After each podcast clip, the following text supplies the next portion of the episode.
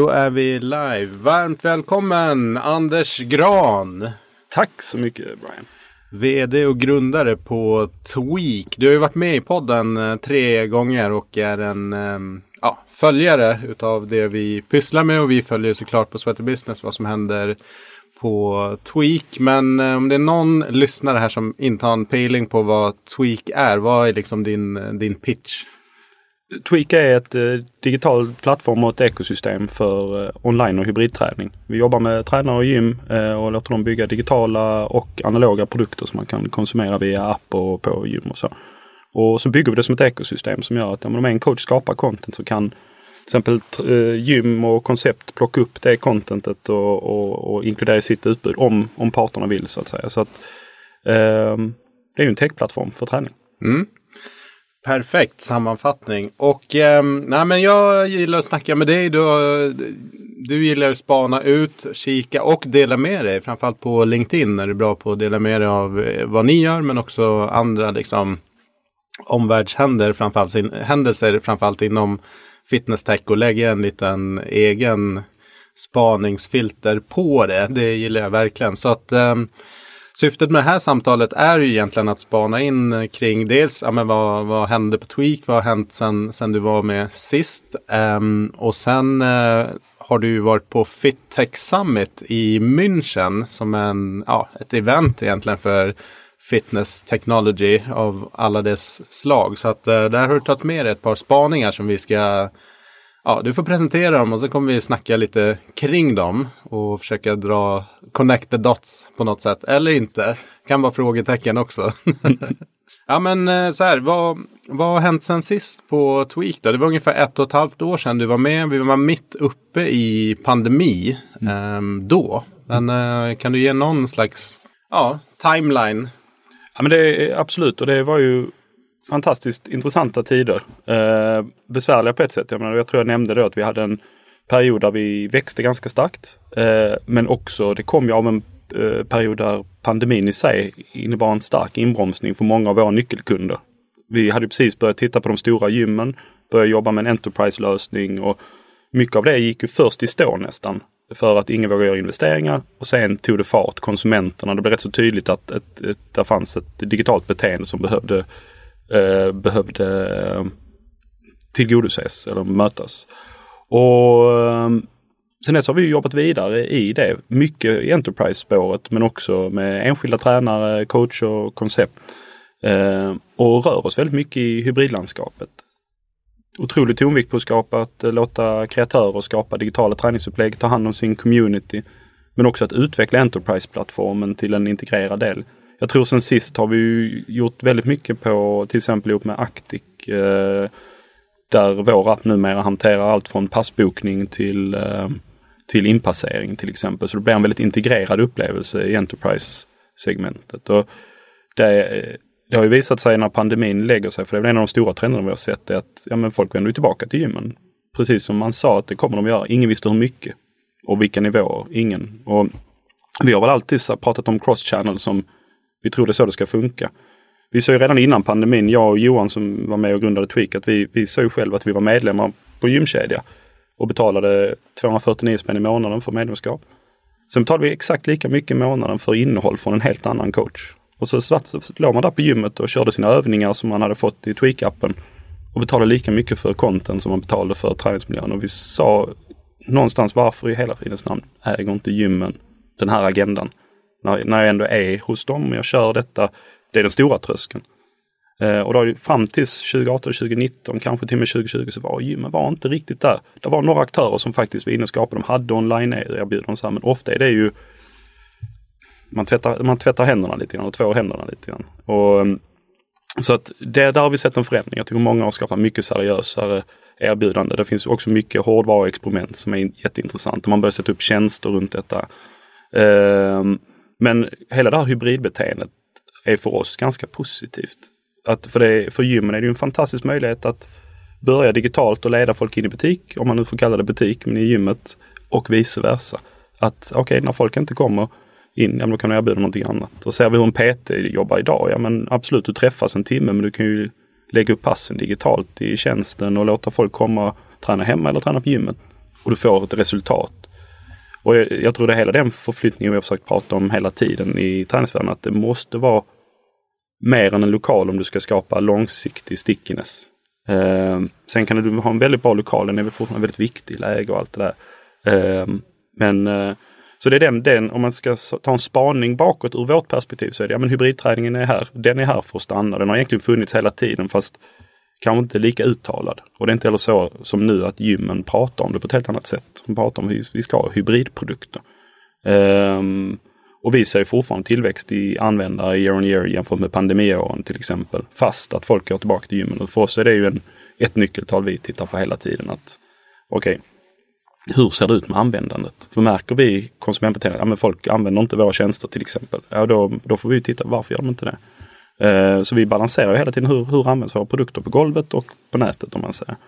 Eh, och en grej vi gjorde nu, vi släppte idag ett pressmeddelande om en coachapp Eh, det kan ju låta märkligt varför vi inte haft det hela tiden, men vårt verktyg för att skapa administrera digitalt han är ju ganska avancerat och komplext. Eh, vilket gjort att vi har haft en desktop webb-variant. Men det vi har sett mer och mer är ju såklart att tränare är ju på golvet mycket. Så fler och fler use cases behövs hanteras mobilt. Så nu släpper vi i sluten beta en coachapp som gör att man kan administrera communities, man kan ta hand om sina klienter. Och sen kommer vi bygga på med skapar-features och sånt över tiden. Eh, men det är också typiskt en sån här vidareutveckling av vi ser de här beteendena. Så. Mm. Nej, men spännande och det, det känns logiskt. Vi pratade ju om det precis innan podden här också. att Man, man kanske i, idag inte kan vara lika rigid i sin affärsidé.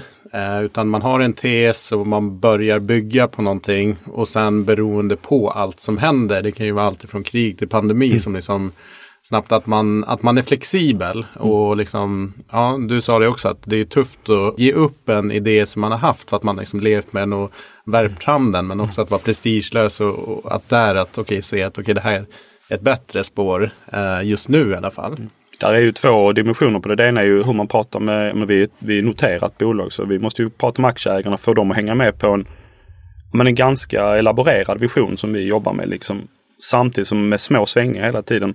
Som innebär att ja, men vi lanserar en coachapp, hur har den med övergripande strategin att göra? Eh, vi jobbar med stora gym, vi jobbar med enskilda tränare. Och få det att lira ihop är såklart alltid en, eh, eh en kommunikativ utmaning, men också internt. Hur skapar du förutsättningar i teamet att vad är viktigt nu? Och sen om en månad så är det, kommer det vara en liten justering i vad som är viktigt och få folk att känna att de är med på banan, att de kan göra sitt jobb utan att behöva ha instruktioner om vad som är viktigt just i denna stunden. Och där får man jobba, även om man är ett litet bolag, att hela tiden skapa en eh, känsla av vi ska ungefär hitåt. Fler människor ska komma i rörelse, vi ska få fler människor att må bra. Vår strategi är att jobba genom kreatörerna som vi tror är nyckeln till detta och vi ska utrusta dem med all teknik som står till buds för att göra detta på ett smart och enkelt sätt. Okej, okay. idag är det så här. Imorgon kanske det är så här, fast vi vet inte och det kan ändras. Och skapa den uh, resiliensen i organisationen och kanske då hos, hos marknaden också förstå att det, de här grejerna kommer ändras. Men det är för att mm. världen ändras. Det dyker upp saker som inte fanns för tre månader sedan dyker upp. Plötsligt blir det, dyker det upp ringar där, där det blir väldigt viktigt för väldigt många miljoner människor att mäta vila. Okej, okay. hur kan vi utrusta tränarna med stöd för det? Mm. Vi testade glukosmätning nu, hela, eller inte hela men de som ville testade glukosmätning och kombinerade ihop och lära sig mer om det. Och det var ju en ögonöppnare. Okej, vad kan man göra med det då? Vad finns det för det? Så började jag prata med, nu när jag var i München, prata med folk om det. Men det är rätt så många som är aktiva inom träning som gör det för att hålla koll på en av sina dimensioner. Liksom. Hur ser blodsockervärdet ut? Hur ska jag träna här? Hur ska jag tänka kring detta? Ehm, och då måste man hela tiden vara lyhörd. Hur skapar man en plattform internt för att kunna plocka upp de här grejerna då? För att sakerna händer. Och vilka grejer är eh, eh, dimridåer, höll jag på att säga. Och vilka grejer är här för att stanna. Mm. Och så. Nej, men det finns ju mycket, mycket där ute så att eh, som du säger att eh, kliva rätt på vad är liksom vad, vad, finns det någonting i och vad är mer så här nice to have mm. häftig grej som händer just nu. Men jag tänkte på det apropå att ni liksom ökar antalet användare i rekryteringen. Mm.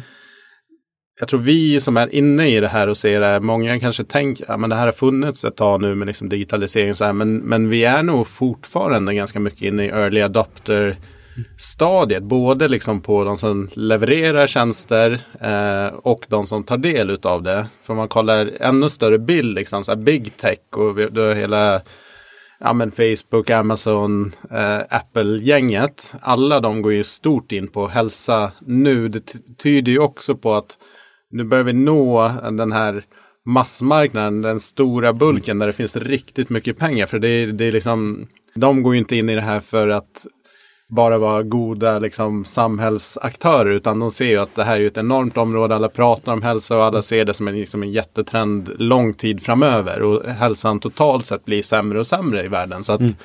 eh, när man liksom kommer in i den här bulken av miljarders miljarders människor som kommer hitta in i mobilen mm. i olika tjänster Eh, då kommer det ju verkligen eh, explodera fullständigt. När liksom våra föräldrar eller liksom folk som idag inte ens tänker tanken på att jag ska kunna ha min mm. tränare i mobilen och få träningspass och köra själv. När de kommer in där. Det intressanta jag kan tycka är det att det är 100% rätt att det är någonting att vi, vi står på en, liksom en rand till någonting. Det, det som är skiljer, jag jobbar ju telekom i många år och early adopters ser ut på ett visst sätt. De gillar teknik och det var Eh, de gillade området och var beredda att investera mycket i det. Det vi ser nu kommer smygande är en kombination av, ja det är folk som gillar teknik men tittar jag på folk som har den traditionella liksom stora teknikintresset, många av dem är nödvändigtvis inte intresserade av online-träning utan de nördar ofta in på koncept som är väldigt nischade eller som har andra aspekter. Så titta på early adopters av online-träning till exempel. Om vi tittar på Alltså det finns ju många tjänster. Dels vi ser ju folk som, min mamma använder Tweak till exempel såklart eftersom mm. att jag har tipsat henne om det. Men jag, jag, brukar prata om henne. Men hon är ju en rolig early adopter för att hon är ju absolut inte duktig på teknik. Hon är inte främmande för teknik och inte negativ till teknik. Men hon är, det är inte hennes forte liksom. Och, eh, men däremot så var det väl lätt instegspunkt punkt för henne. Och tittar du till träningsbranschen så har ju träningsbranschen haft kanske lite utmaningar att den är lite exkluderande för det är en främmande miljö för väldigt många människor. Eh, och därför har alla de här hemmakonceptet sedan 80-talet och framåt varit attraktiva. Jag får hem min cykel eller min studsmatta eller, eller mitt gummiband eller vad det nu är för någonting. Och jag kan ha den under sängen hemma. Eh, så. Eh, och det är tryggt och bra. Där tror jag online-träningen börjar bli en brygga. Inte på grund av att online-träningen är så otroligt tillgänglig utan för att mobiltelefonerna är så mm. utspridda. Eh, sen kommer, alltså det är ju väldigt bra att Apple och sådana här aktörer går in och trycker för de kommer ju de höjer ju alltid standarden för allt de gör. De är sällan först på bollen, men de är ofta de som skjuter ganska hårt. Vi träffade ju Google för, alltså jag tror vi träffade deras hälsogäng kanske för fem år sedan. När de började med, med sitt eh, alltså FIT-team där egentligen som mm. började liksom bygga upp teknologin runt det. Eh, och haft diskussioner liksom med olika branschfolk för att folk trävar lite grann. Vilken roll ska de här stora techjättarna ha? Och Apple gör ju lite som de gör. De sätter upp en contentlåda och kombinerar med teknik. Det är ju starkt liksom. Eh, och sen tror jag att det är intressanta steg blir när eh, träningsentreprenörerna, alltså enskilda tränare och gymmen blir duktiga på att anamma och ta tekniken för givet. Precis som man en gång har blivit med an, annan utrustning, annan teknik eller kost eller vad det har varit. Det är bara en grej till som ska in i, i verktygslådan. Det är inte att alla tränare ska vara online-coacher som säljer samma online-upplägg som alla andra, utan det handlar mer om att det är en, det är en del i detta här. Mm. Och man gör det nu redan idag via Facebook och sms och sådär. Man tänker bara inte på det riktigt. Nej, verkligen. Ja men spännande. Vad, vad ligger liksom fokus för, för er närmsta framtiden? Mm, ja, men vi, mycket nu för oss handlar ju om uh, att utveckla den position vi har. Vi sitter ganska på ganska stor potential genom de kunder vi jobbar med. Eh, så vi kommer fortsätta jobba inom, mycket inom Enterprise. Vi har nyligen eh, skrivit avtal med Rimlig Träning bland annat där vi kommer rulla ut en app med, tillsammans med dem.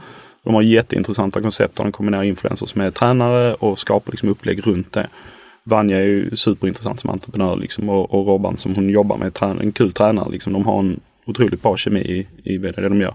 Men sen har vi också alltså, våra kunder som Friskis och Svettis och Actic och så. Vi jobbar mycket med plattformen på en Enterprise-nivå. För att vi ser att där, det gör stor skillnad eh, för sådana kunder att ha en stabil och stark plattform ut mot sina medlemmar och bygga community. Så en av våra, våra stora frontiers nu är mycket, dels nu coachappen släpper vi för att göra det lättare för tränare, både enskilda men också i stora organisationer.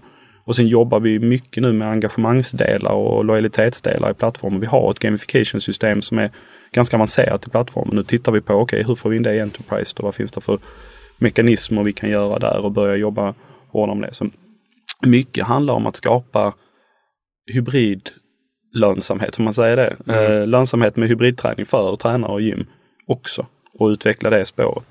Eh, och, eh, så det är, mm. det är där någonstans vi har huvudet just nu. Yes, och hur går det för Tweak? För jag tittar på era kvartalsrapporter så kan man bli skrämd hur siffrorna ser ut. Men, men berätta lite grann hur ni tänker. Absolut, nu är vi eh, inne i en tyst period så vi kommenterar inte riktigt specifikt siffror och så här. Men det man kan säga generellt är att vi har ju haft en investeringsresa och har en investeringsresa. Det som händer nu är såklart att vi är i ett eh, betydligt tuffare klimat på börsen än, än vad det kanske var för ett och ett halvt år sedan. Vilket gör att man måste på något sätt anpassa sin resa lite efter det. Och där har, har vi såklart ställt om och sagt att högre fokus på lönsamma affärer och lite lägre fokus på de längre skotten som är viktiga på lång sikt. Eh, men vi bedömer att det finns ju en, eh, mycket att hämta här och nu. Eh, så där ligger mycket av det fokuset. Och, så för oss är det, är det vi fokuserar på vår tillväxt och ser till att vi följer våra mål. Sen är det såklart ett hårt klimat på börsen nu att vara techbolag och ett litet techbolag. Mm.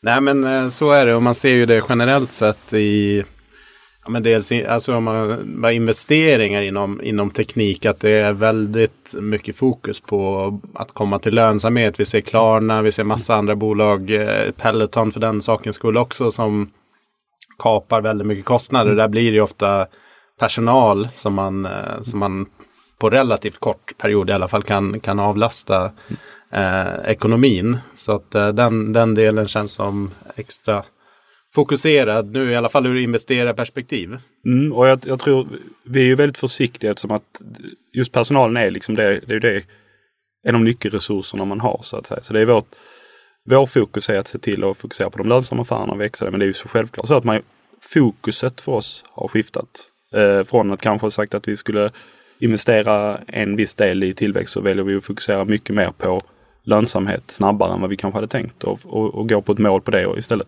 Bra. Du, um, den ekonomiska liksom, oron generellt sett i sam samhället och vissa säger att oh, konsumentprodukter går inte in där, konsumenttjänster.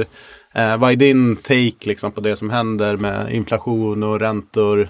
Mm. och så vidare. Ja, vi, vi har försökt få huvudet runt det där lite grann. Uh, och jag läser ju kvartalsrapporter från branschkollegor och jag har även haft lite dialog med brittiska branschkollegor och pratat lite grann om vad tror vi är, är, ligger liksom i trajektoryn här. Och där finns lite olika läger i detta. Det finns någon som säger men gymmedlemskap uh, i takt med att inflationen ökar så upplevs gymmedlemskap plötsligt vara prisvärda i förhållande till vad eh, ett paket skinka och, och, mm. ett paket kaffe kostar så har du ett gymmedlemskap vilket skapar en tröskel för att säga upp gymmedlemskapen.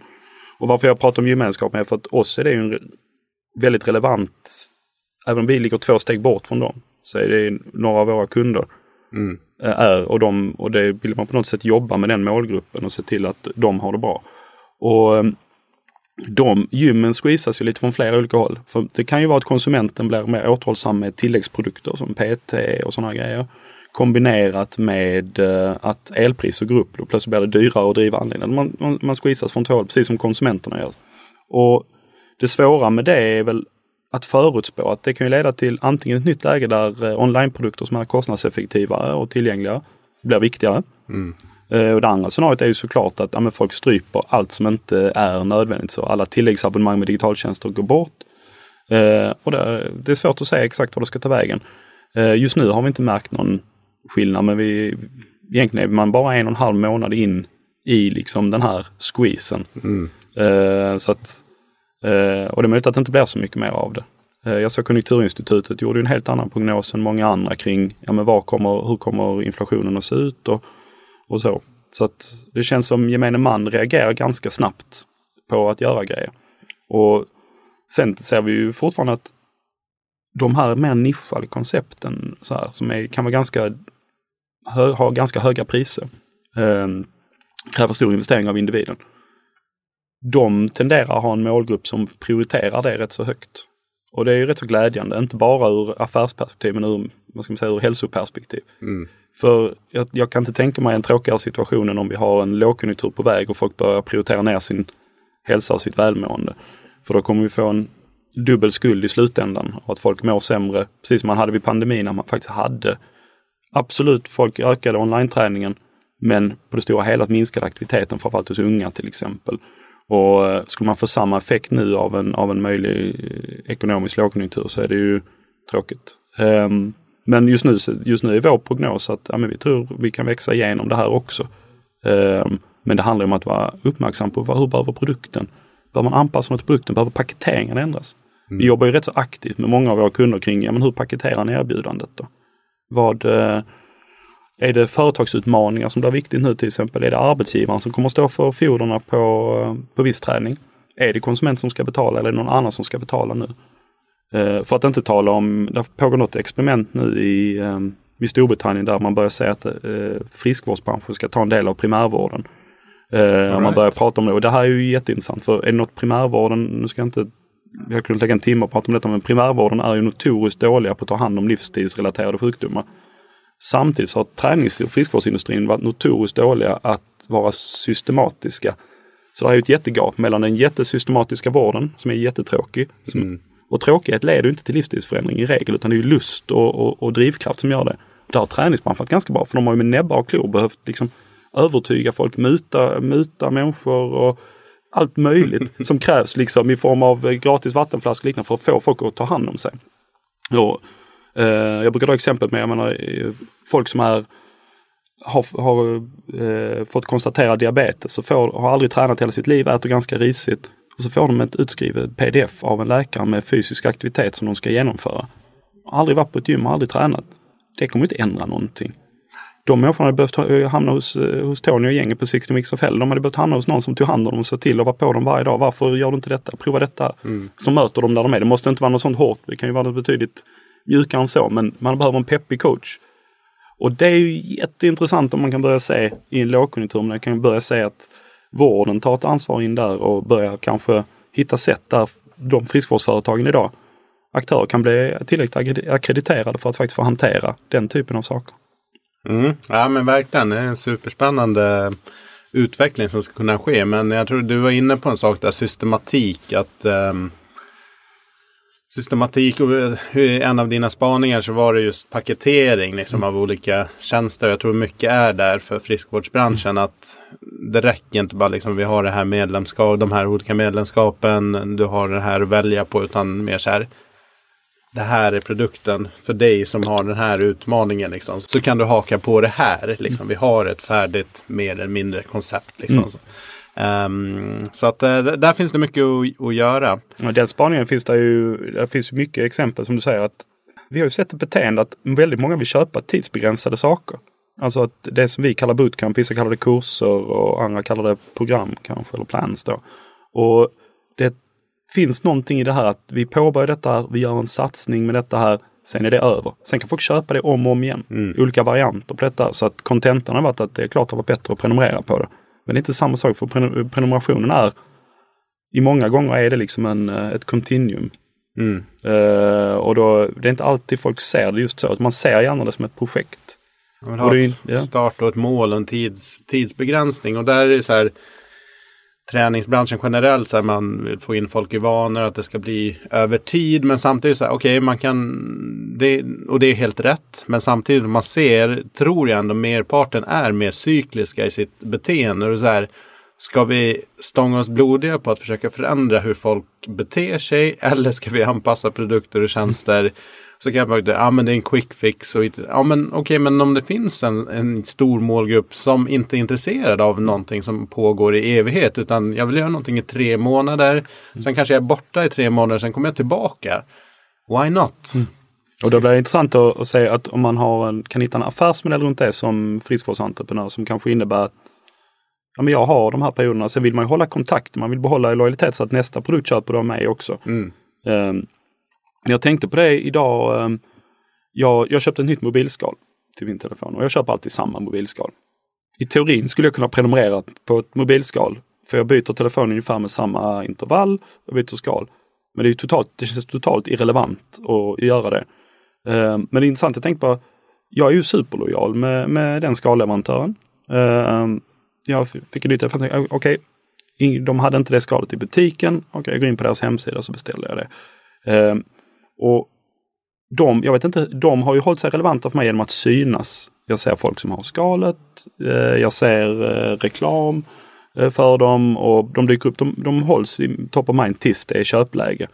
Och det är inget nytt, det är bara det att jag tror att träningsvärlden är i medlemskapssvängen. Medan, och många gånger har de inte riktigt en medlemskapsmodell som, som du sa, i förhållande till folks beteende. Vissa är ju communities där mm. du vill vara med. Även om inte du är och tränar idag så är du en del i någon en community på något sätt. I vissa fall är det ju så att det kanske är att jag ska vara där i tre månader och sen ska jag göra något annat under tre månader. Och, ja, det handlar om att skruva och hitta självförtroendet i en sån modell också. Och lönsamheten inte minst. Mm. Men det, det kan vara smärtsamt om det är så att man har många kunder som kanske inte är där så ofta och som bara har kvar medlemskapet av gammal slentrian. Absolut.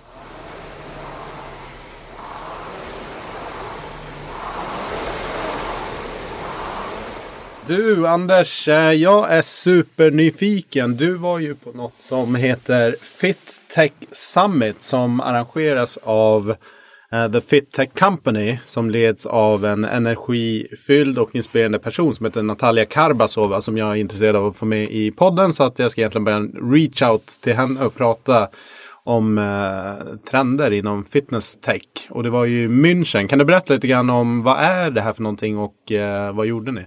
Ja men absolut. Och eh, Natalia är ju superinspirerande och, eh, och mycket kraft i henne. Eh, och vi, bakgrunden bakom Fittech Company är Natalia jobbar tidigare på ett förlag och arrangerar en Fittech Summit eh, i München faktiskt som jag var på för många år sedan. Inom det här förlaget. Sen växte det liksom och, och de bröt loss eh, detta till ett eget bolag, Fittech Company. Som bland annat då Eh, driver Fittech Summit.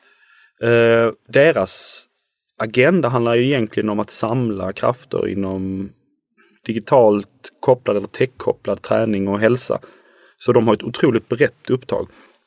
Det var ju alltid från eh, företag som gör uppkopplade boxningssäckar till eh, folk som jobbar med online-content till, till maskintillverkare som har uppkopplade maskiner. Och egentligen så är det det som är hela syftet, att få de här att mötas, att skapa samtal. Eh, så de här, som den summiten nu är ju inte en FIBO med, med tiotusentals besökare utan det är vi pratar om några hundra som samlas. Eh, där det kan skapas ganska enkla små sociala sammanhang i detta. Alltså, man får en chans att sitta ner med folk som man kanske inte hade gjort annars på samma sätt. För att du, du är i en, i en liten kontext. Vi är samlade runt en, någon form av gemensam agenda oavsett om vi är konkurrenter eller branschkollegor eller egentligen knappt har med varandra att göra. Men jag, jag träffade företag som håller på med att mäta metabolism genom utandningsluft till exempel, som är fokus på detektering av, av, av eh, allvarlig sjukdom egentligen. Eh, men de har fokus liksom kring wellness också. Och eh, någonstans för du det idéer. Eh, tjänster som man kanske trodde var helt irrelevanta för, för oss. När man träffar grundarna och, och, och, och ledare inom dem så inser man att ja, där finns massa beröringspunkter som är intressant. Så att mycket handlar om att det är ett sätt, dels kan man använda som bollplank för grejer, dels bildar det ett nätverk också kring tjänster. Att man kan, eh, jag menar jag kanske har en 6-7 uppföljningar efter detta, folk som är på olika, olika sätt relevanta för vad vi håller på med. Mm, spännande. Jag ska definitivt se till att ta mig till ett Fitech Summit under nästa år för att kolla. Ehm, jag skickade ju med dig inför det här poddavsnittet att eh, ja, men det vore, du har ju jäkligt bra koll på fitness tech-området såklart givet vad du gör men du spanar också utåt mycket och delar med dig. Så jag sa kan du ta med dig några huvudspaningar så, och presentera dem så diskuterar vi lite grann kring dem. Så du har med dig ett par eh, intressanta här. Så att det är bara skjut iväg den första. Mm, ja, men jag, jag, jag gjorde ju några stycken och det var, det var bara jag behövde den sparken i rumpan att sammanfatta lite. För det var, det var rätt så grötigt i huvudet när man kom hem. För det var så otroligt mycket intryck. Uh, och, och, så var det också Oktoberfest i, i, i München vilket gjorde att man hade på något sätt en dimension till där man skulle på något sätt uh, pussla ihop vad som hade med Fittech att göra, vad som bara var pretzels. Uh, men en grej som jag tror var otroligt intressant är pratet om holistisk hälsa. Det var ju något av temat för hela summiten nu. De pratar om Holy Health. Att, uh, man pratar om hälsa På ett sätt. Och jag tror träningsbranschen generellt gärna gör det. Det är ju inget, det är inget nytt under solen just i det. Men det som är det, skillnaden här är nu att det börjar komma rätt så tydliga synergier mellan eh, hälsa och nästan då tidig stadie av sjukvård och träning och välmående. Jag, jag läste någonstans att folk pratar om betterment också, som är liksom en, någon form av samlingsbegrepp för viljan att vilja leva hälsosammare och bättre ur ett holistiskt perspektiv. Mm. Det är ett ganska bra ord, betterment. Um, för det är väldigt svårt att sätta finger på det. Det är ju, det är ju saker som multisensorialt, alltså att uh, wearables kommer otroligt starkt. Uh, och just nu märker man att det är otroligt jungfrulig marknad också för det är så här Ja men först har du Aura-ring, sen kommer en ny ring som mäter någonting annat och sen har du då Inbody, det som Inbody-vågar har gjort under rätt så lång tid. Men då börjar det dyka upp andra företag som gör liknande saker med en annan take. Vi testade som jag sa tidigare nyligen eh, att mäta glukos. Eh, själv, några stycken på Tweak. Eh, och det som är intressanta med det är ju att man börjar titta inåt, man börjar förstå saker och man börjar kunna ta actions på det. Och då börjar man också kunna prata om holistisk hälsa som är kanske ett lite mer greppbart koncept där mm. kosten är viktig. Eh, träningen och motionen är viktig. Eh, mental hälsa pratar folk jättemycket om såklart. Det är ju en av de... För ett tag sedan har man kanske sagt att det var den största utmaningen. Nu inser man att den fysiska hälsan är, de hänger ihop alltså otroligt tätt. Om folk är fysiskt aktiva eh, till en rimlig och rätt nivå så hjälper det mentalt mående. Precis som att mentalt mående kan förhindra att folk är så fysiskt aktiva som man har velat vara. Så att någonstans blir den här holistiska för att låsa upp nyckeln till ett bättre liv låter så fruktansvärt tråkigt men till, till mer livsglädje, mer livskvalitet och kanske då i förlängningen ett längre liv med kvalitet. Mm. Då handlar det om att man måste titta holistiskt. Uh, och då är det ju massa grejer. Alltså, kosten är ju jätteintressant för kosten har ju varit en uh, snake oil business, om man nu får säga det, under ganska lång tid. Eftersom ingen har tittat inåt. Och det är ju intressant för att nu när vi gjorde CGM-mätningar, med, alltså med eh, kontinuerlig glukosmätning, koppla ihop med en tjänst som man kunde liksom få stöttning längs vägen och ställa frågor. Vad händer när jag äter det? Det är ju en mind-opener för vissa grejer. Man att bara herregud, jag kan ju inte äta en sån sås och potatis här till lunchen för att då sticker en spik upp. Kroppen måste producera insulin i överflöd. Det är inget positivt. Men skulle jag bara styra mitt liv baserat på det, då hade jag ätit ägg, bacon och jag pratade med diabetesläkaren om det så sa han, ja förr sa man ju det att det var späck och gurka till folk som hade diabetes. Och du vet, det är ju ingen, ingen superbra kost det där. alltså behöver du börja mäta någonting annat också och du behöver se till att du mäter träningen till exempel och kolla för att du ska få en flerdimensionell bild. Och det är det man pratar mycket om, hur skapar den här flerdimensionella bilden av hälsa? Jag äter tillräckligt bra, jag rör mig tillräckligt bra, jag återhämtar mig tillräckligt bra, mina sociala interaktioner. Johan som jag grundade Tweak med en gång, han pratar mycket om det att en, liksom, om du har en, en sex veckors plan för att må bättre, då kanske en av uppgifterna en dag inte handlar om att du ska träna eller äta rätt utan du kanske ska ringa en gammal kompis du inte har pratat med länge. Den känslan av sammanhang eller av känslan av tillhörighet mm. kan ibland vara viktigare än, än det där gympasset och det är ju sällan man pratar om det på det sättet. Så det är en av de stora takeaway var just det att vi är i en punkt nu att holistisk hälsa har vi pratat om ganska länge. Ungefär att ja, men det är viktigt att man tänker på allt. Nu börjar vi komma till de wearables som vi har haft under, under rätt så lång tid för träning, pulsklockor och så vidare. Men de börjar smyga sig in på andra områden nu. Vi börjar komma till en punkt att vi snart kan vi veta men hur, mycket, hur mycket kalorier förbränner du? Ett kaloriöverskott, kaloriunderskott? Får du i dig rätt vitaminer? Hur ser, eh, kan vi till och med kanske börja mäta kortisolvärden, alltså ser vi stressnivåer? Och sen kommer det såklart, jag menar, när man hör detta, hör sig själv säga de här grejerna, börjar man tänka, men hur mycket vill man veta? Var går mm. gränsen? Så där, där, vi kommer till alla de frågorna, men vi börjar i alla fall komma till en punkt att holistisk hälsa en betterment och, och, och, kan komma till en punkt där tränare och gym kan börja jobba aktivt med den materien. Om de vill och vågar. Det är också nästa fråga. Eller vill man då fortsätta säga nej men eh, vi kör som vanligt vi, och sunt förnuft och så vidare. Men där kommer kom man in till frågan vi diskuterar. Ska, vi, ska friskvården börja lösa lite av de utmaningar som sjukvården bevisligen inte har klarat av mm. kring livsstilssjukdomar? Då måste man börja bli lite scientific med de här grejerna. Och det är ju inte långt borta. En Aura-ring kostar 4000. Jättemycket pengar idag, absolut. Men den kommer kosta väl 2000 om fem år. Mm. Uh, den kanske är gratis efter det. Uh, och på sikt kommer de här grejerna att, att vara bidragande för att vi vet vad vi håller på med och vilken effekt vi har. Inte minst när du ska hjälpa människor som står rätt så långt ifrån sund livsstil. att se resultaten. Ja men alla vet att det går i vågor. Mm.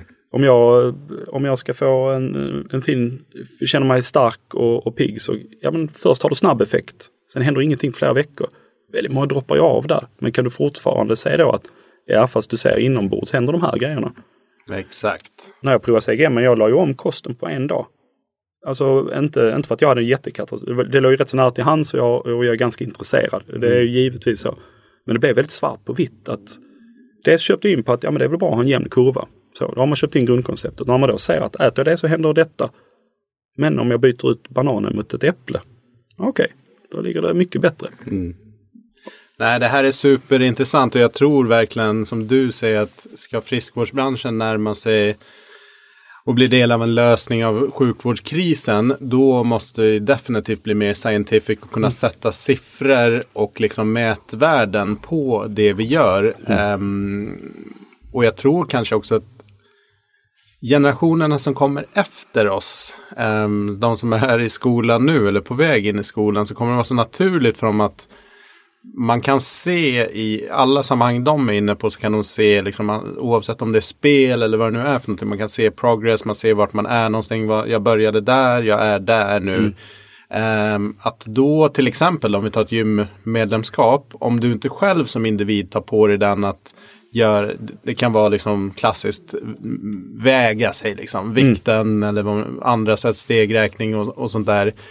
Men att operatören inte tar det. För jag ser också så här, jag menar om jag tar i trim som ett exempel då, som liksom fokuserade mm. på viktminskning eller liksom haft, haft den positionen. Att all den datan, de, jag tror ändå de sitter inne på, kunna kommunicera att ja, men en genomsnittlig medlem hos oss som går igenom det här programmet, de uppnår det här mm. liksom rent fysiskt men också så här inombords och kanske, eller jo definitivt liksom vad som händer mentalt. Att man mm. på olika sätt kan skatta den och liksom visa upp svart på vitt. Men om jag frågar valfri gymkedja idag, liksom, vad händer om en typisk medlem hos er, om de är medlem ett år, vad, mm. vad händer i genomsnitt? Mm. Ingen aning. Ja, jag tror det är, det är en jätteintressant, alltså det är ju skiftet i, i den större tränings... För tittar på träningskoncept så, Sixtymix och FL, E-trim som också är träningskoncept, så har de, de är ju resultatdrivna per definition. Medan gym har ett generellt resultat. Mm. Uh, och de har ju mycket att vinna på att börja mäta mer, skapa, prata lite mindre också, paketeringar som är resultatorienterade. Varför gör jag detta? Vad händer? Jag, jag, kan absolut, det känns bättre att träna. Jag mår bättre i kroppen uh, när jag tränar. Superbra. Men i ett kontinuum funkar inte det riktigt. För, må för många människor behöver ju känna att, ja men vad är, vad är målet? Vad är resultatet? Och Speciellt om man börjar titta på helheten. Och I viktminskning är det ganska känt att kost är en superstor del. Samtidigt har det ju varit en, något av en blind spot för, eh, för gymkedjor, större gymkedjor. Svårt att luta sig in i, svårt att bestämma vilken position man ska ta i det. Och också någonting som kan gå ganska det kan bli ganska problematiskt för att jag menar, det finns ju, jag kan ju se massa kostråd som ges ut på sociala medier som nu efter två veckors CGM-mätning så säger jag men jag, jag hade inte kunnat äta de grejerna enligt den dimensionen. Mm. Jag hade fått otroliga problem med blodsockerhantering till exempel. På de här mellanmålen som, som vissa lägger upp och som är liksom en del i kostplaner. Och det är kostplaner som kanske till och med i bakgrunden kommunicerar att ja, men detta är bra för mot diabetes. Nej men det är det inte. Mm. Du, vet, du ser inte en diabetiker som skulle äta mango eller, eller banan. Liksom. Det går, du gör oftast inte i alla fall. Nej. Och, um, och jag är överhuvudtaget ingen expert. Som sagt, jag har ju två veckors erfarenhet av detta. Så jag är ju så otroligt långt från expert. Men det, det öppnade mina ögon att få se hur mycket snake oil som cirkulerar i sociala medier mm. kring. Och hur mycket man själv plockar upp av det också jag hittar. Om man uh, försöker förstå vad är det som, uh, vad blir man bättre av och vad mår man bättre av? Så försöker man göra sina analyser. Men kan man få en lite bättre nyanserad bild av det? Och den är ju inte långt borta den bilden. Så den holistiska hälsan, otroligt intressant. Absolut. Och kan kan gymmen och tränarna och koncepten skapa mer paketeringar runt det och helst inte säga att må lite bättre holistiskt i paketeringen för det är ingen som fattar vad det betyder. Utan hitta, hitta liksom en, eh, att göra det här flerdimensionella hälsan till något endimensionellt att kommunicera. Där ligger nästa frontier tror jag. Mm. Definitivt. Ja, bra spaning.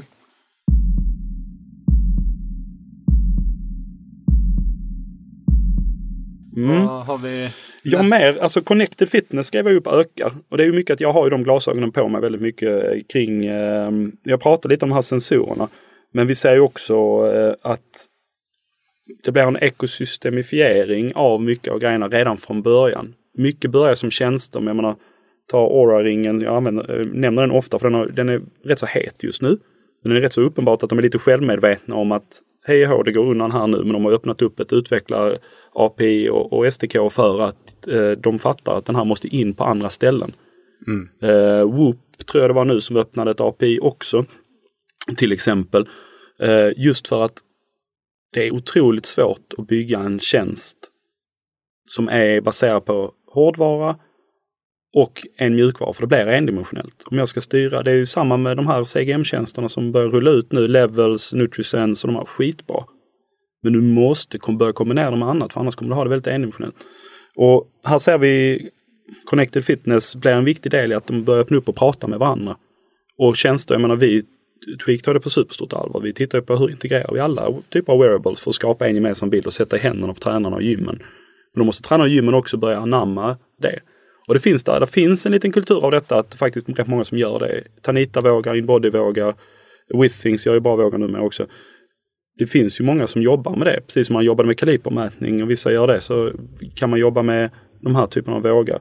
Men vi ser också dimension. Jag tittade på E-gyms maskiner. Jag tittar på Sonys AdvaGym lösning som handlar mycket om att okej, okay, jag har genomfört den här träningen. Jag kan se detta resultatet och man börjar mäta i varje steg. Eh, och då blir det otroligt intressant för att, tror jag som jag sa i förra frågan, att människan ser inte alltid resultatet eller känner resultatet, utan det går upp och ner. Men kan man då genom att mäta till exempel hur mycket man lyfter varje gång. Mm. De flesta jag känner som inte är så gymvana, de skriver inte upp riktigt om vad de lyfte när de vägde. Jag själv slarvar med det, så jag säger, det jag lyfte nu lite tyngre förra gången, så en pinne till ner liksom. Absolut. Eh, men nu har jag börjat så här i, i, i min lilla Tweak-dagbok liksom skriva upp, ja, men, så kan man tagga hur mycket man har på varje maskin. Liksom. Men där ser man intressant, man har ju mer maskiner uppkopplade desto mindre behöver jag hålla på med det. Mm. Då jag berättat, men förra gången lyfte du 18 kilo här istället för 16. Då är det bara din dagsform, då får du kämpa lite mer idag för annars får du inte de resultaten. Och jag tror hela den uppkopplingsbiten, att sakerna börjar hänga ihop på ett annat sätt, kommer liksom att, jag tror det kommer revolutionera mer än vad vi tror. Men det kommer också vara en väldigt, väldigt tydlig baseline för många gym. När jag kommer in genom dörren så vet min gymapp eller min träningsapp vet vad jag, vad jag ska ha för vikter. Den, maskinen svarar mot det. I vissa fall kanske maskinen ställer in sig själv såklart. Men även om den inte gör det så berättar den för mig att du ska sätta den på 16 idag och du ska köra fyra reps istället. Och tekniken finns idag men det är inte så många som syr ihop den. För ofta är det, som jag sa innan, det är lite endimensionellt. Att ja men då får jag köra den appen till det och sen ska jag köra den appen till det och sen ska jag, har jag fått en pdf av vårdcentralen för rehab av knäet. Första jag gör, jag håller på att ha en meniskskada i knät. Första jag gör när jag varit hos eh, fysioterapeuten, jag tar hans fantastiska eh, teckningar som han ritar på papper till mig. Och så får jag liksom designa in det i Tweak så jag har ett program. för jag kan inte gå runt med den papperslappen Nej. överallt. Och jag tror hela den biten kommer vi se mycket av. Ehm, och jag, jag, tror generellt när vi pratar om connected fitness att det handlar det, absolut om appar delvis sånt där, men en del tror jag är saker man inte kommer att se. Technium har gjort jättemycket på Connected Fitness. Även om appen kanske inte är grejen för dem. Utan jag minns ju flera år sedan vi var inne på något gym som körde, hade, gick all in på technogym. Där du kunde liksom, med din tagg så kunde du se vilka du ska ha. Du, ser, eh, du får dina favorit Netflix-serier på skärmen på kardiomaskinerna. Och på något sätt så tror jag det är den här med, att maskinen eller hårdvaran känns medveten om vad jag håller på med och vad jag vill uppnå kommer också börja brygga gapet från den som inte är så van vid gymmiljön. Jag fick på något sätt vänja mig vid gymmiljön. När, vi, när vi började jobba med detta och vi långsamt började gå mot gymmen med, med Tweak, för det var inte där vi började egentligen. Då hade jag ju fördelen att jag hade en medgrundare som var otroligt mm. hemma i den miljön och trivdes väldigt bra i den miljön. Som avdramatiserade steget. Och jag tror många glömmer, jag brukar prata om detta, men jag tror många glömmer om den, glömmer den tröskeln, på tal om generationsfrågor också. Att vad ska man ha på sig? Hur, hur länge sitter man på maskin? Hur länge vilar man? Alltså de här grejerna. Mm. Alla de här små, små grejerna som gör skillnad mellan om det blir bra eller dåligt och om det känns som en bra grej att göra. Om de bryggades av att jag hade Johan som idrottsvetare. Vi gick in de första, vi tränade ofta ihop. Och sen nu kan jag gå dit. Jag är fortfarande effektivare när han är med alla dagar i veckan. Men, eh, men jag är inte rädd för att gå till gymmet. Det är inte det som är hindret. Men jag har rätt många både, liksom, kompisar som, som inte går dit. Liksom, för att, ja, vad ska de där göra? Små trösklar. Eh, och då tror jag Connected Fitness är en del att överbrygga det. Uh, jag menar alla som har satt sig i en Milon eller e-gym cirklar eller sånt, ja men då blir omhändertagen av den maskinen. Mm. Uh, sen passar inte det för alla. Men det är ju ett sätt att göra det. Om kettlebellarna kunna berätta hur snabbt jag ska lyfta och vad är, vad är koncentrisk och excentrisk träning. Ja men jag har ingen aning men min kettlebell kan berätta det för mig. Uh, jag provade vara nere i, i Spanien för ett par år sedan och provade den här Prama, de här interaktiva väggarna och de grejerna. Och grejen var att när jag kom hem, kom hem därifrån så tänkte jag att detta är egentligen inte connected fitness för att det som var grejen, det som gjorde att jag svettades och var otroligt slutkörd, det var ju den otroligt dedikerade tränaren. Fast samtidigt var det otroligt äh, tätt kompanjerat, äh, ackompanjerat av äh, data på väggen. Jag hade min tavla på väggen där jag kunde se min pulszon hela tiden. Och den datan blev ju plötsligt otroligt viktig. Ehm, så någonstans är den här grejen att okej, okay, datan hjälper mig att navigera och se resultaten. Människan här får, får mig att pusha mig själv. Att mm. gå, ta nästa steg. För det är, det är ju faktiskt så att vissa människor är duktiga på att pusha sig själv. Uh, vissa människor, den absoluta majoriteten, kan se vad som behövs göras och gör 75-80% av det där. Men när han stod och gormade med Parma-tröjan. Eh, vi var i, i grupp och det blinkade lampor och man kunde se den och han på något sätt säger två till, två till. Då gjorde man plötsligt 110 istället för 75. Mm. Men det var ju en människa som gjorde det. Så där är ju någonstans det här med kombinationen av teknik och människa i Connected Fitness som kommer att bli mer tillgängligt. Och det, när jag säger Connected Fitness ökar så är det det ena är att det uppfinns mer. Absolut, men det har det gjort under lång tid. Men upptaget hos människor, alltså gym som tar in det för det första och erbjuder sina medlemmar. Eh, tränare som förstår att använda det mm. eh, och, och inte vara rädda för det, öka. Den synergin kommer göra skillnaden. Att det inte är två olika världar som, som eh, samexisterar utan att de är, blir en. Yes, Nej, superbra spaning. Jag tror också jättemycket på det här området. Eh, jag tror också, i min upplevelse att de flesta som tränar i gymmet um, de tränar på för låg intensitet och de vet inte vad de ska göra riktigt. Det blir långa pauser. Eh, vikterna som du var inne på att man, man kanske gärna tar lite lättare än vad man egentligen skulle kunna göra. Och allt det här finns ju i, i en hel del, du nämner Technogym bland annat, där du kan göra styrketester direkt i maskinerna och sen beräkna liksom vilken, vilken belastning du, du ska ha beroende på liksom syfte med övningen. Så att du får liksom förslag på, okej okay, du borde ligga på, på den här vikten utifrån ditt, din max, maxstyrka i, i just den här övningen. Så att um, hela det där, jag tror att just många är nog ute efter en eh, effektivisering. För att det är så här, du slåss ju ändå om folks tid. Ska jag lägga en timme på gymmet eller ska jag lägga en timme med barnen eller Netflix eller bio? vad får jag ut på den här timman? Det är mm. där jag kan känna att de här många studiokoncept vinner mycket. Jag var på mm. Intens häromdagen, körde 40 minuter. Det finns ingen tid att hålla på och snacka emellan. Det finns ingen tid att kolla mobilen. Gör någonting annat än att liksom bara foka på nästa. Och sen 40 minuter därefter så har jag hunnit med sjukt mycket mer än vad de flesta hinner på två timmars träning. Så att tiden blir extremt effektiv. Så att det kan, tekniken kan jag känna där Connected kan hjälpa till att få till den här effektiviteten och att man tränar på rätt nivå för det syftet som man har just där och då. Och sen också hjälpa till att utbilda medlemmarna som du säger. Att det kan avlasta. Behöver inte vara en människa av kött och blod som berättar vad är excentriskt, koncentriskt, eh, hur använder du den här kettlebellen? Ja men Adva Gym, du blippar den där mm. pucken. Det kommer upp tio förslag på olika varianter på, på en övning med video. Mm. Ehm, så är du igång. Mm. Jag tror det, precis som du säger, att människan följer ofta människor men det, man får hitta vilken nivå måste den in på. Och jag tror det är där gymmen har mycket möjlighet att lösa. Tekniken kan ta de första eller man säger inte de första, människan gör de första 20 procenten, sen gör tekniken 60 procent och sen gör människan de sista 20 igen runt dig. Mm. Då tror jag man kan skapa en väldigt sån stark modell som gör att ja, men jag får resultat snabbt. Och jag känner mig Ibland undrar jag om det verkligen är tiden. Förstår du vad jag menar? Man kan hitta den där timmen finns eller en och en halv eller det. Men det är, det är blandning av att utnyttja dem på rätt sätt som du sa. Mm. Ta ut mig så mycket som jag kunde. Och, eh, sen drömmer väl alla om de här som har funnits sedan 90-talet. De här eh, elektroderna man sätter på magen så får man sån grym tvättbrädemage. Ja. Jag, jag gissar att det inte funkar så. Nej.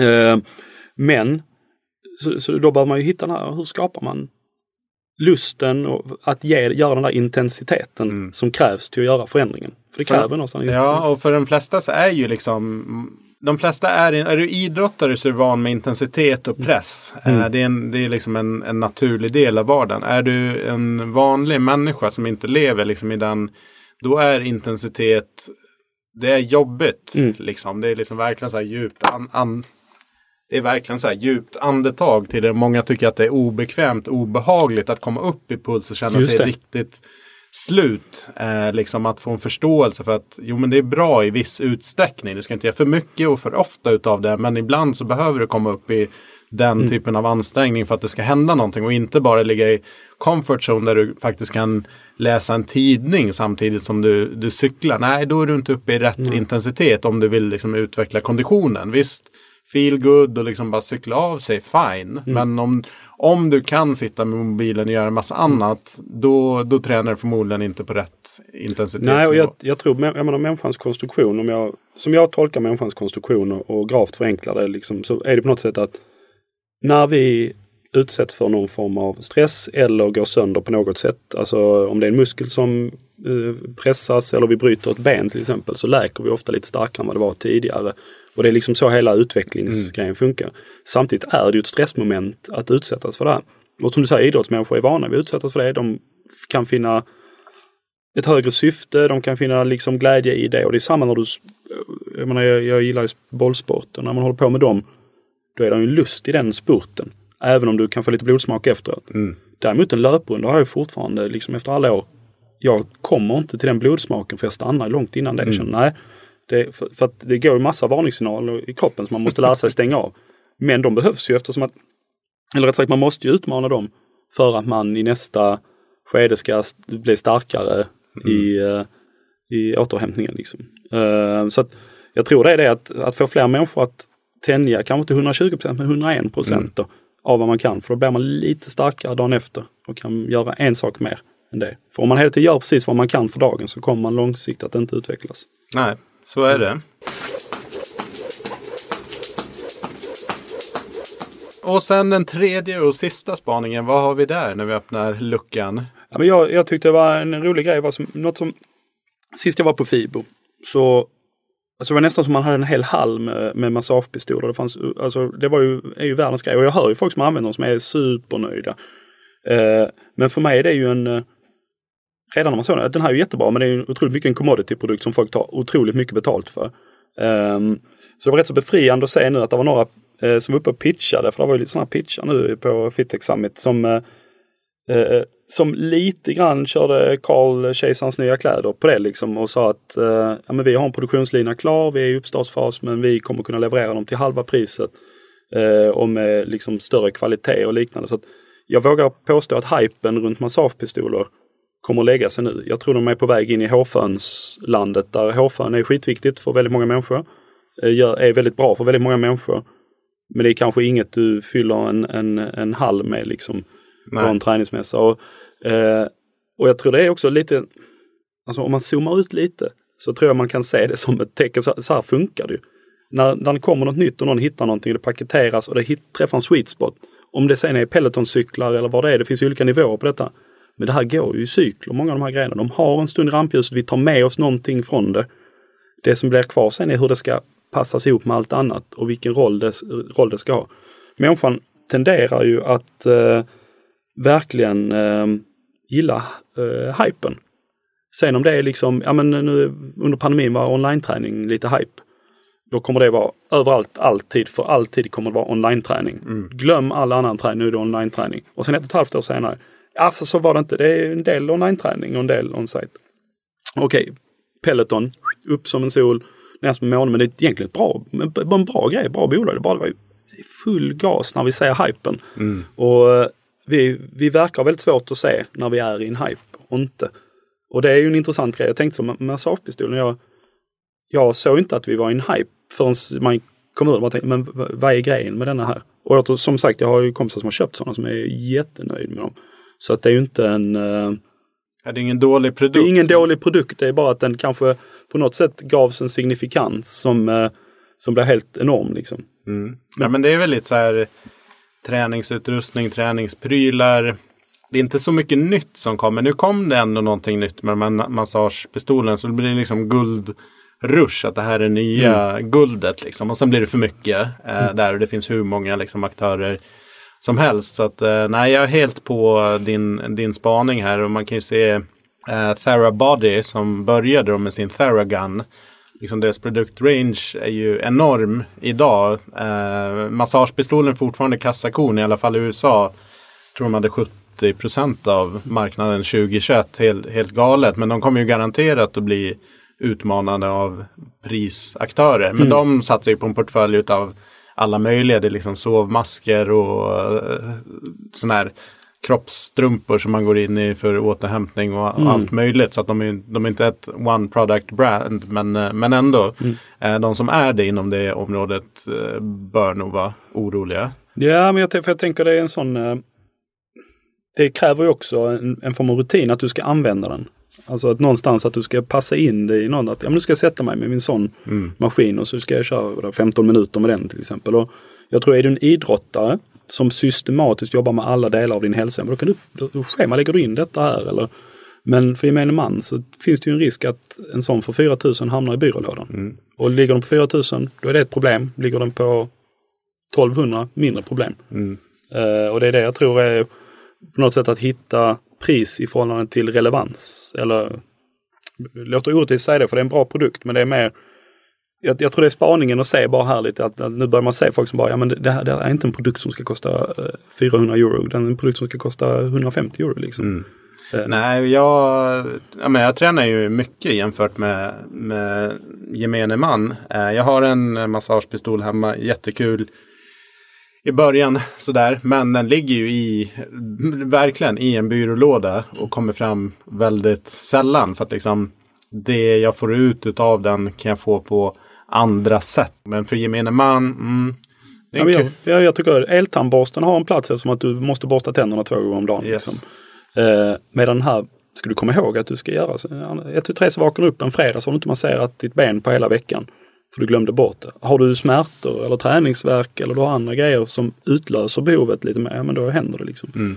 Nu får ju nu känner jag här i podden att vi, massagepistolen får väldigt stort utrymme här också, men jag tycker den är ett tecken på just hur man måste tänka kring de här produkterna. Att oavsett om det är, är träningsspeglar hemma som har en fantastisk potential, men om den har liksom en kostnad som är att likställa med vad vi betalar för bilen som familjen har under ett halvår.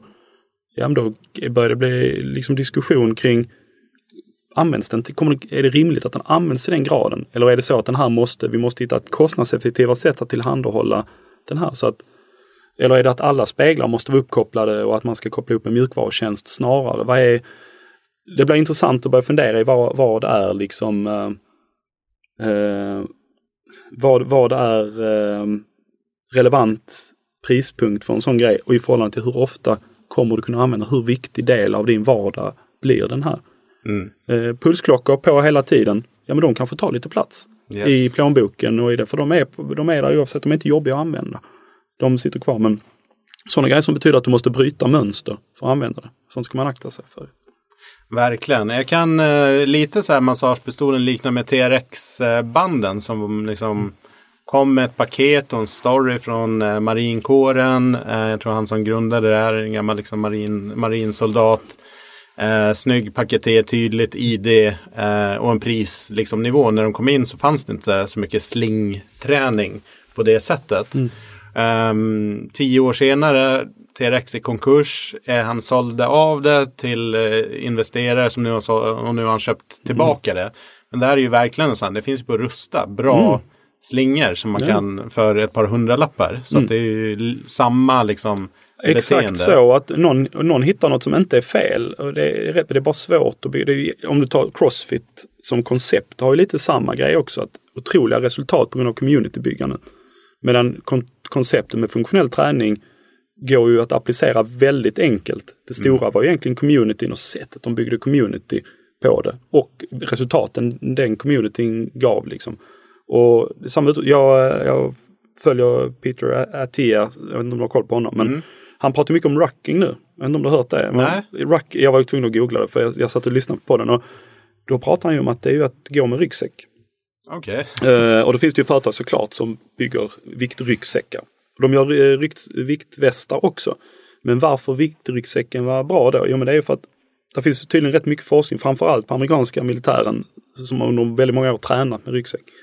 Det är dels rätar den upp ryggen, rörelseapparaten, dels tränar den en stor del av kroppen. Mm. Så han har ju så här, han ruckar flera, flera timmar, om det är om dagen eller i veckan i alla fall, i backar och sånt där för att det ger olika grejer. Träning, ökar eh, fettförbränning och ger bra hållning. Liksom så här.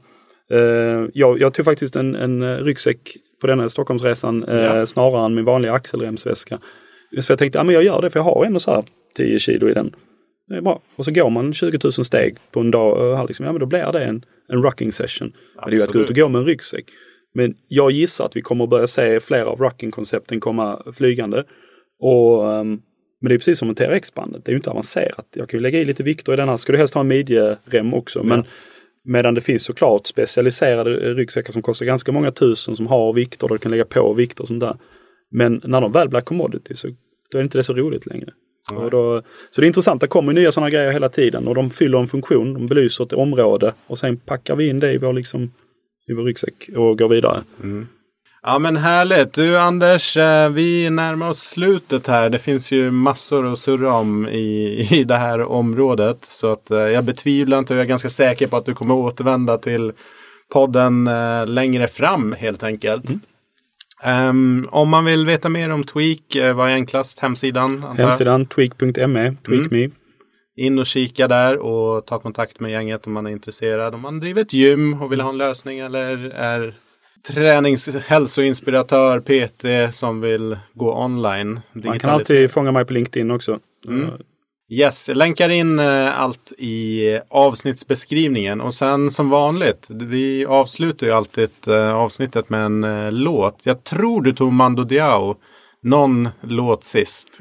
Kan det ha varit. Eh, vad blir det idag? Och sen hade du hiphop en första gången du var med. Så var Jag har faktiskt något helt, helt annat Ja. nu. Jag, den tyska, eh, um, detta har inte med Fitexam att göra, men Moite och låten You and Me. Det är en, de är härliga. De spelar typ housemusik fast bara med bläckblåsinstrument i princip. Så de är ett, det är ett marschband från Tyskland. De, eh, de spelar var faktiskt i Malmö och spelade här förleden. Men, eh, rätt så röjigt.